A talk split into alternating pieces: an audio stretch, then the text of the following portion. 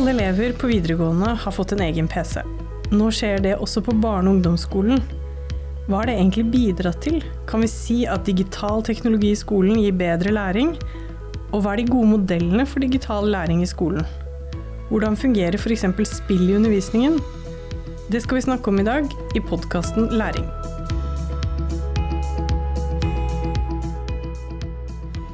I studio i dag er Anders Kluge, forsker ved Institutt for pedagogikk, IPED. Hei. Hei, hei. Og Jan Arild Dolunden, forsker og ingeniør ved IPED og tilknyttet EngageLab. Hei. Hei. Velkommen, begge to. Takk. Da må jeg spørre deg aller først, Anders. Altså, hva er det som skiller digital læring fra annen læring? Hva er det som er annerledes?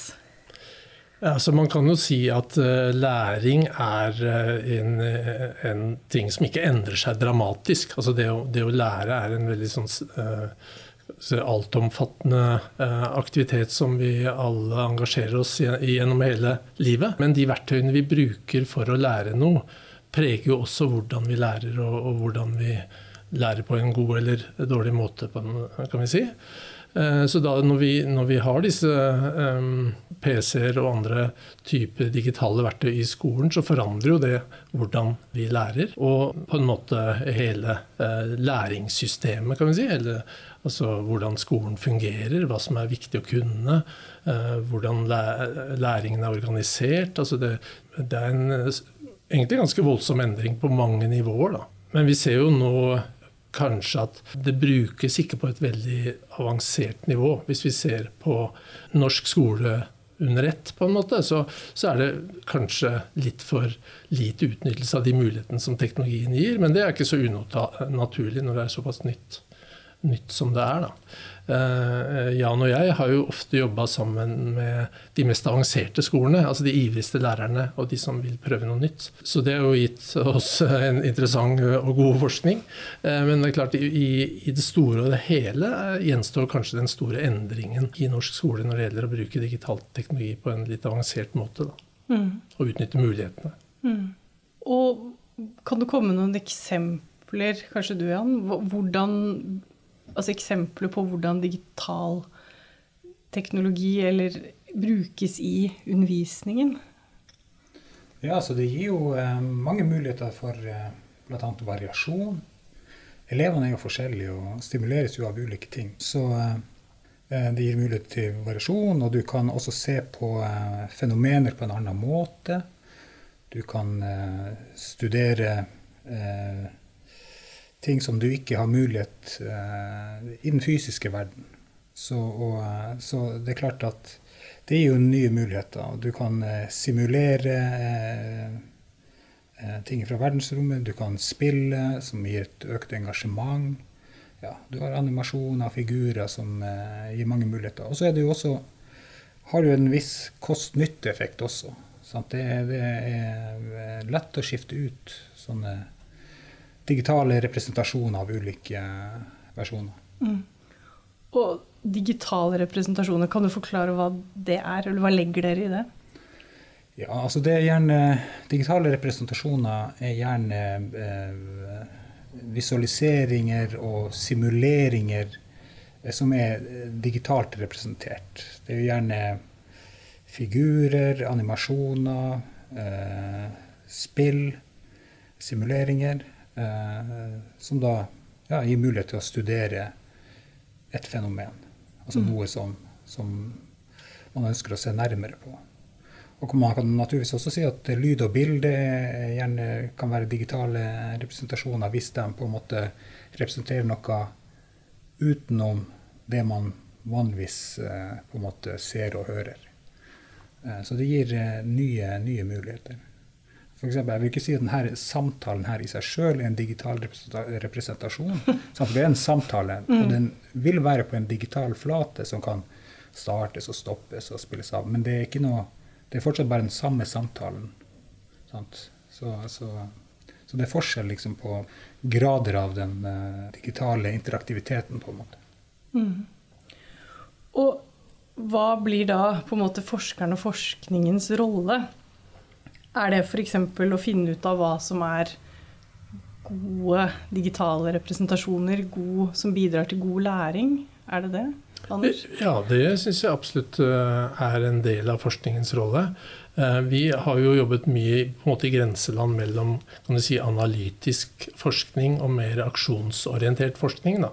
Så eh, den aksjonsorienterte delen vil jo gjerne dreie seg om faktisk å prøve å designe noe, lage noe. Se hvordan det fungerer, på en måte. Samtidig som vi prøver da å analysere etterpå og se hvordan det fungerer. Og som Jan sa, dette med digitale representasjoner er kanskje den, den tydeligste måten å vise hvordan digitalt støttet læring på en måte eh, er, er, ganske annerledes. Eller i hvert fall åpner nye muligheter da, for læring enn det vi kan med, med de vanlige uh, virkemidlene. Og vi er jo også opptatt av det å ha en aktiv student eller en aktiv elev. La oss si godt designede uh, digitale representasjoner kan jo stimulere en type aktivitet og, og, rette på en måte aktiviteten i en retning som vi uh, har god tro på at vil lede til læring. Om det er å rette det mot mer samarbeid, eh, mer diskusjon, trigge eh, sånne spesifikke på en måte eh, spørsmål hos elevene, den typen ting. da. Og da er disse interaktive digitale representasjonene veldig, veldig, spennende å jobbe med. Og representere på en måte noe som vi ikke kan gjøre med andre midler. Da, på en måte. Vi kan si at sant, det å illustrere f.eks. en, en kjernefysisk eksplosjon, eh, det er ikke noe du bør gjøre eller er så lett å gjøre på skolen eller noe, annet sted. Men det kan jo tenke seg at man tar hvert millisekund og lar vare ett minutt, f.eks. Dette er jo veldig hurtige reaksjoner. Og så kan man eh, også tenke seg at man er eh, atomfysiker og blander disse forskjellige stoffene på forskjellige måter, og da kanskje eksplosjonen ikke utløses, og så kan du si ja, hvorfor, hvorfor, var det sånn? ikke sant? Så man kan, man kan, tenke seg en rekke sånn det vi kaller hva hvis-småeksperimenter. Og det er jo, Mange av oss kjenner det fra kjemitimen eller fysikktimen. ikke sant? Men da har vi har vi på en måte bare ett forsøk, eh, og gjerne går det galt. Eh, det eksploderer på feil tid. Eh, feil tidspunkt. Mens her kan vi leke oss med mange forskjellige parametere. Altså, ja, ja, hvis vi dytter inn litt av det, hvis vi gjør det litt hurtigere Mange sånne litt sånne lekende, engasjerende elementer som gjør at, at elevene blir mer interessert, og, og da forhåpentligvis lærer mer også. Mm. Og dere har sammen stemmer det, forska på bruk av spill i undervisningen? Mm -hmm. Det stemmer. Vi har eh, forska både på spill i undervisning, men også eh, simuleringer. Eh, spill har vi først og fremst forska på innen matematikk. Men vi har også forska mye på simulering i naturfag. Eh, og når det kommer til spill, så er jo det et veldig mm, interessant tema. fordi at Spesielt innenfor visse fagdisipliner som, som matematikk, som er kjennetegna som litt sånn traurig, og, og det er veldig vanskelig for elevene blir interessert i det, så har jo spill blitt sett på som en slags redning, for det skaper veldig mye engasjement. Så det har jo vært veldig interessant for oss. og Vi har sett på ulike typer spill, hva de stimulerer til og hva elevene sitter igjen med av læringsutbytte. Og der ser vi mange forskjellige ting. I noen spill så eh, har vi sett, det, det, det, vi ser på tvers av de spillene, er jo at de som oftest gir engasjement. Og da er jo læreren som oftest også veldig fornøyd, for engasjerte elever det vil en lærer ha. Eh, men det vi ofte ser, det er at eh, det elevene sitter igjen med, det er jo det at et spill Først må jo elevene lære seg spillet. Og selv om spillet skal ha en faglig del, så, så har den også sånne spillelementer. Så ofte ser vi at, at eh, elevene lærer seg spillet mer enn det fagspesifikke. Så de, de, først må de jo orientere seg i spillet, og så ser de hva som er relevant for dem. Og hvis de er i en konkurransesituasjon, så vil de gjerne slå medelever. Så da blir det jo spillet som blir eh, poenget. Og så har vi også sett på eh, andre spill som fører til engasjement, hvor, de, eh, hvor kanskje ikke konkurranseelementet er så viktig, men man ser på det med, med mestring og progresjon i forhold til matematiske språket. Da. Eh, men også det her så har vi jo sett at spesielt i dette tilfellet da som vi så på som et algebraspill, så hadde de prøvd å starte med noen sånne Pokémon-figurer. Og så, så starte med det, så elevene lærte seg liksom algebraiske prosedyrer i starten. Og så skulle man gå fra de Pokémon-figurene over til mer sånn terninger, som er nærmere sånn matematisk eh, forståelse. For alle spiller jo gjerne yatzy og den type ting. Og så over til rene matematiske symboler. Men det vi så, det var jo at eh, elevene ble litt forvirra av de symbolene som ble brukt tidlig i spillet. Og det gjorde at de eh, mista mye av den, eh, det fagspesifikke språket. Og læring handler jo mye om det å delta i å mestre et fagspesifikt språk og en fagspesifikk praksis. Så det er klart at eh, når elevene fikk problemer i de her spillene, eller i det her spillet da, hvor, hvor, eh, det var et helt annet symbolsystem, altså ikke matematiske symboler, sånn som ikke på noen måte var etablert, så når de fikk, da fikk problemer, tilkalte hjelp fra læreren, så kunne heller ikke læreren hjelpe dem på en ordentlig måte, for læreren kunne heller ikke bruke sitt matematiske språk. Så det ble mye sånn den og det og eh, den prikken der, og hva betyr det? Så, så det var litt interessant å se hvordan, eh, hvordan eh, altså engasjement, engasjementet var høyt, men, men, læring gikk en annen vei. Så læringsutbyttet i det siste tilfellet da, var ganske dårlig. Så vi så at uh, selv om engasjement er en viktig ingrediens i læring, så er det ikke nødvendigvis avgjørende. Så det er mange på en måte fallgruver, bl.a. med spill også, som, eh, som, er viktig å merke seg.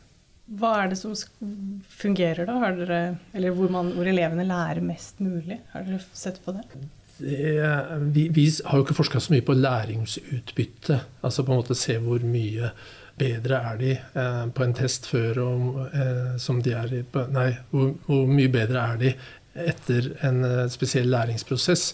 Men vi ser veldig mye eh, hvordan de utvikler språk og, og på en måte presise måter å omtale eh, det de skal lære noe om på. da. Og da er det jo som Jan sier, at de ser de spillene på en måte introduserer et nytt lag av sånn spillogikk. Og det er på en måte ikke til å unngå når det er spill det er snakk om.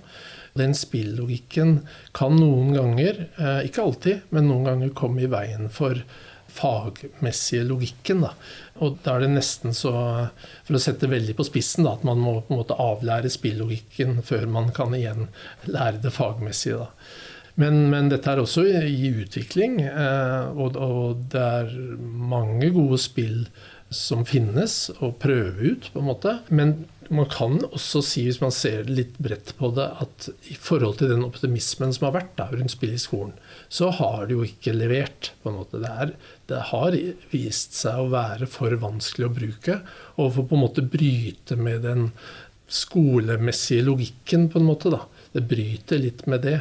Det er ikke det at elevene ikke skal ha det morsomt på skolen, men, men, de skal kanskje ikke på en måte senke seg ned i den type interaktivitet og litt sånn låst engasjement, da, for å kalle det litt sånn låst aktivitet. ikke sant? Mm. Hvor, hvor verken, verken, kanskje eh, lærere eller andre elever på en måte slippes inn. ikke sant? Til nød noen medspillere, kanskje. Men, så det er på en måte går litt på tvers av eh, skolens logikk da, på mange ja. måter. Og Hva mener du med skolens logikk? Nei, altså eh, ikke sant? En, en, for det første så, så, har vi jo sett eh, Det er litt sånn anekdotisk, da, men sånn småmorsomme ting hvor, hvor, elevene sier liksom Nei, men jeg skal ikke spille spill, jeg er jo på skolen. ikke sant? De syns det er veldig rart ofte.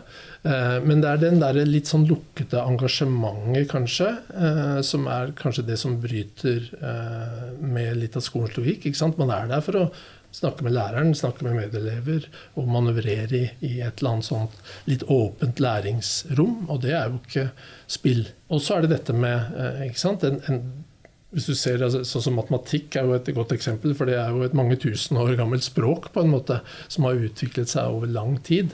Og da er det ikke lett å komme inn fra høyre med et, liksom et nytt språk og tenke seg at det, det, er mer effektivt. Men samtidig så kan du si ja, ja, men altså, det er jo mange som, som blir skrekkslagne av å se en X eller en A eller en B. ikke sant? Så det er, det er jo ikke gitt at, at vi har liksom funnet veien inn til det.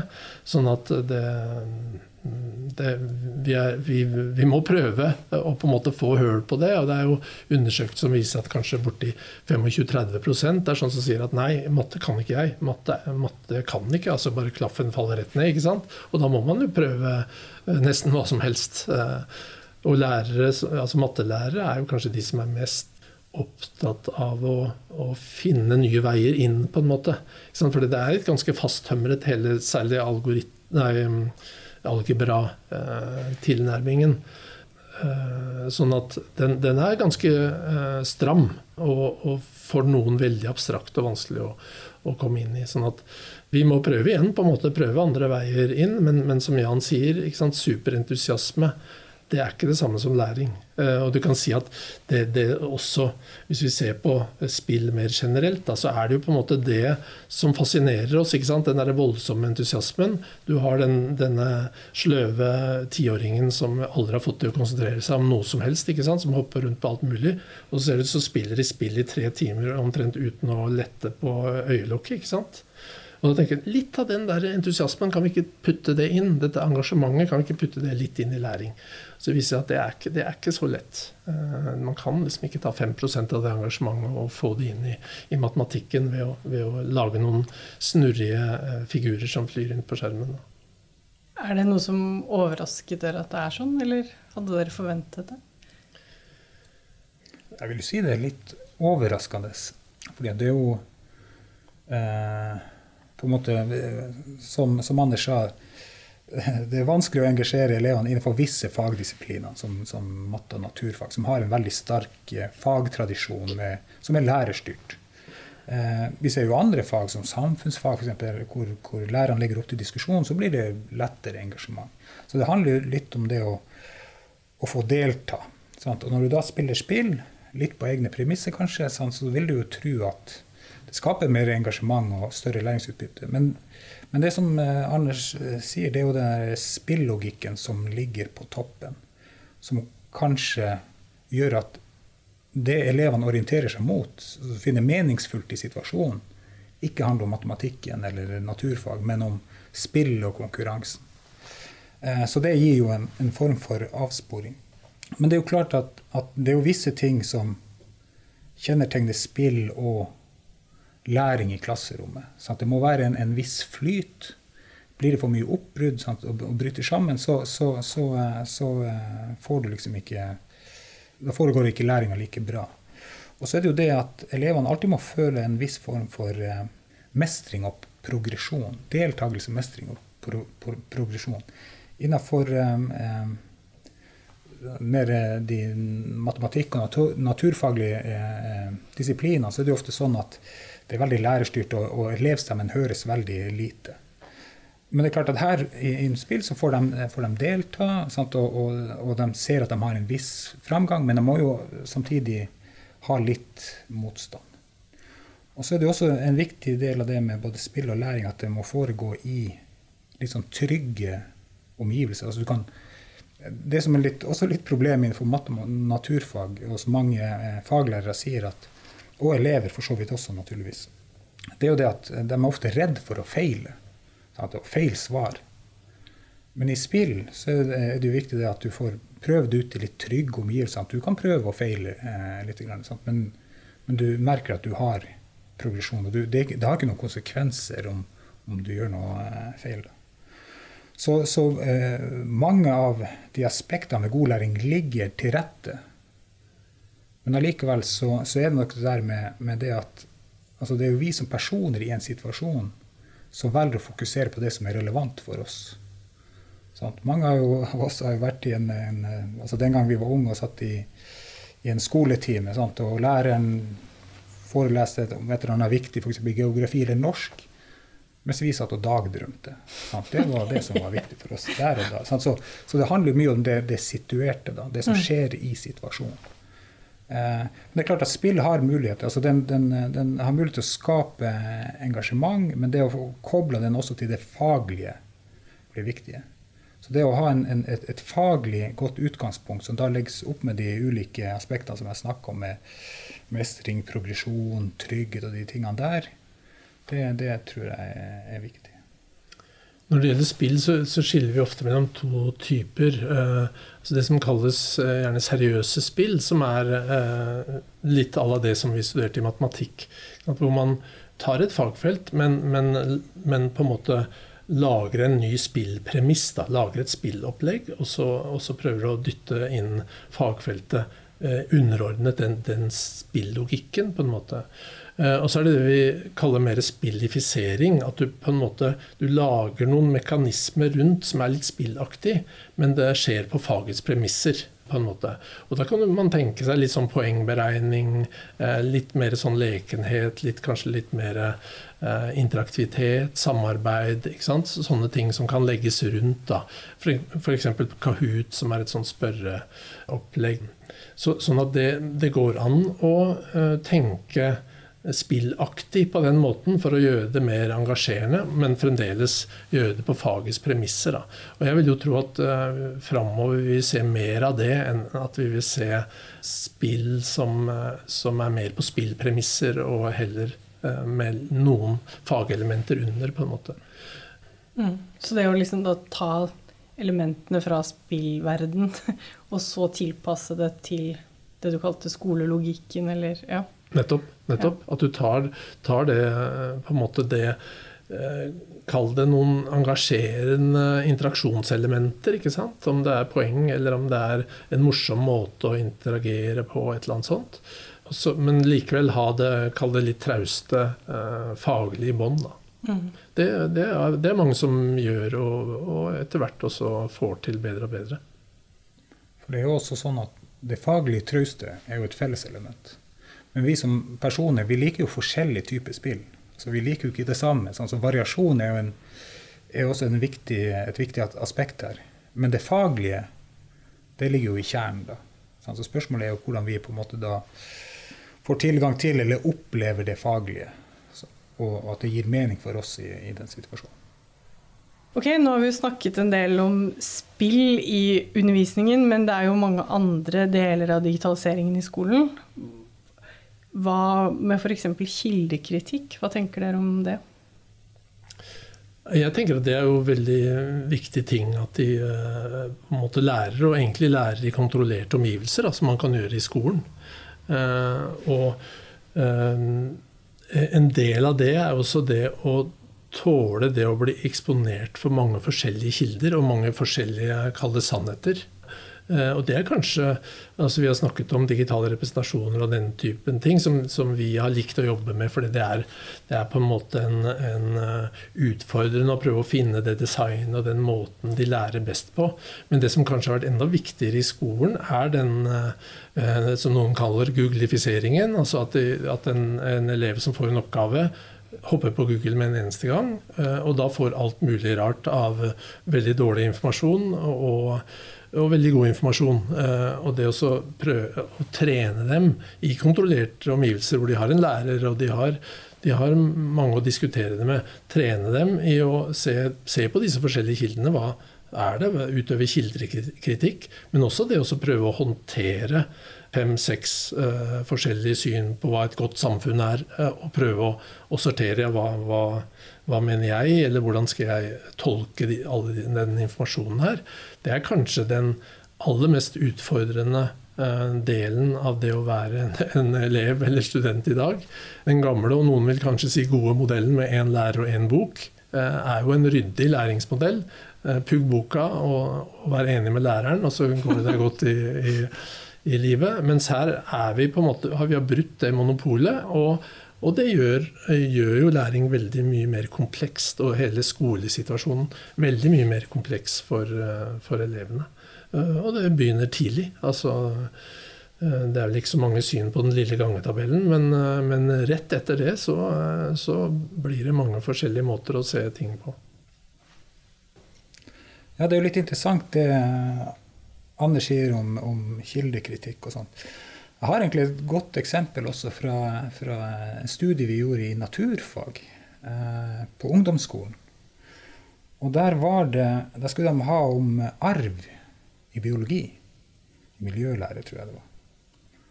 Og, eh, og i modellene i, i, i, læreboka så sto det jo at ja, det blir, altså, man arver fra sine foreldre, og det blir 50 gutter og 50% jenter. Og så var det en, en gruppe av elever, for de jobbet, det var gruppearbeid, som undersøkte og studerte noen tall i SSB. Så viste det seg at det ble født 51% jenter og 49% gutter.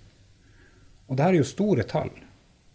Altså store talls lov. Så de skjønte jo at den modellen i læreboka var jo eh, antageligvis ikke riktig. Og stilte jo spørsmålet til læreren, da. Og det er klart at læreren ble jo litt paff. Sant? Fordi at man er jo vant fra sin egen eh, opplæring at eh, sant? det som sto i læreboka, som Anders sa, det var kanonisk riktig. Mens eh, her viste jo empirien at det ikke var riktig. Men da klarte læreren på en god måte å improvisere elevene til å undersøke saken nøyere, og hvorfor det var slik. For de hadde jo funnet en, en god kilde, altså SSB. Så da fikk de i oppdrag å undersøke det. Sant? Så de måtte evaluere først informasjonen de har fått eh, hos SSB, og også litt hva andre eh, kilder på en måte sa, om de var troverdige kilder. Og så måtte de på en måte eh, begrunne liksom, hvorfor det var egentlig en, en skjevhet, og at den modellen som var i læreboka, egentlig ikke var riktig. Så de nyanserte egentlig forståelsen til hele klassen gjennom sin undersøkelse. Og læreren var i stand til å på en måte takle det og, og ha en, en, god dialog med elevene om det, istedenfor å si at nei, men det er feil, og det er riktig. Så det var litt interessant. Og det er jo et eksempel på god læringsprosess. Sånn, hvor elevene får gå inn og på en aktiv måte undersøke et fenomen. Og det er klart at uh, Her måtte de også jobbe seg gjennom flere begreper og modeller som framstilte arv i biologien, for å forstå det. Så, uh, og det ga en, eh, naturligvis en dypere forståelse da for akkurat det fenomenet i klassen. Så det skapte både engasjement, og fokuset lå på det faglige. Og det skapte sikkert også litt mer engasjement at læreboka og læreren tok litt feil. Så Det er alltid godt å kunne ta læren på noe faglig. Ja, dette er, det er jo et sånt uh, glansbildeeksempel som man alltid ønsker seg, på en måte. Men like ofte så er det kanskje um, at uh, elevene kanskje uten å ha Eh, hva skal vi si, mottak, eh, mottakerapparatet godt i orden. Blir eksponert for eh, sant, rasistiske sider, alle mulige rare ting som, som popper veldig fort opp.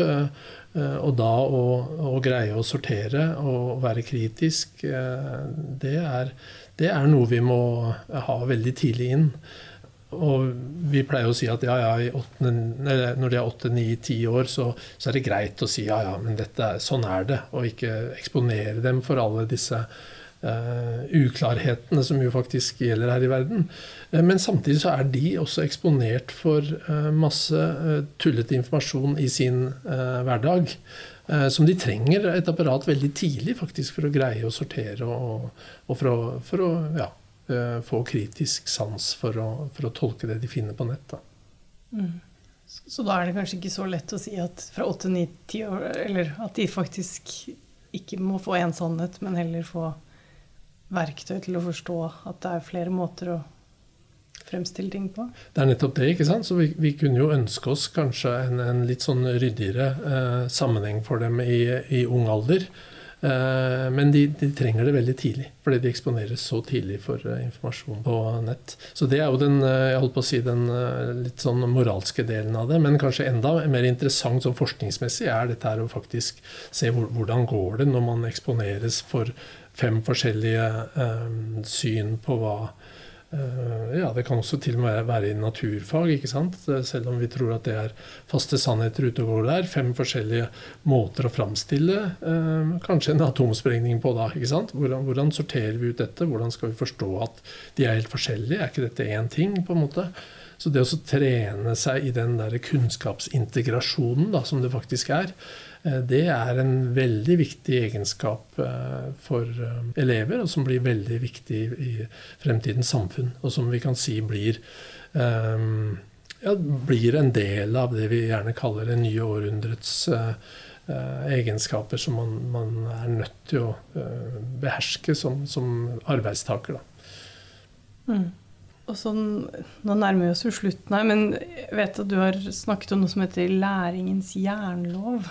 Kan du si kort om det? Ja, det er dristet meg til det, da.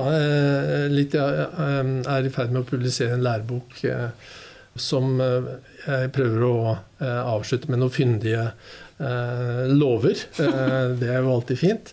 Så det er litt, for, litt i lys av det vi har snakket om også, at man den ideen om å kunne leke seg til læring, i hvert fall i skoleorientert læring, da, det som vi har i læreplanene, og som vi har eh, politisk bestemt at dette skal faktisk elevene lære.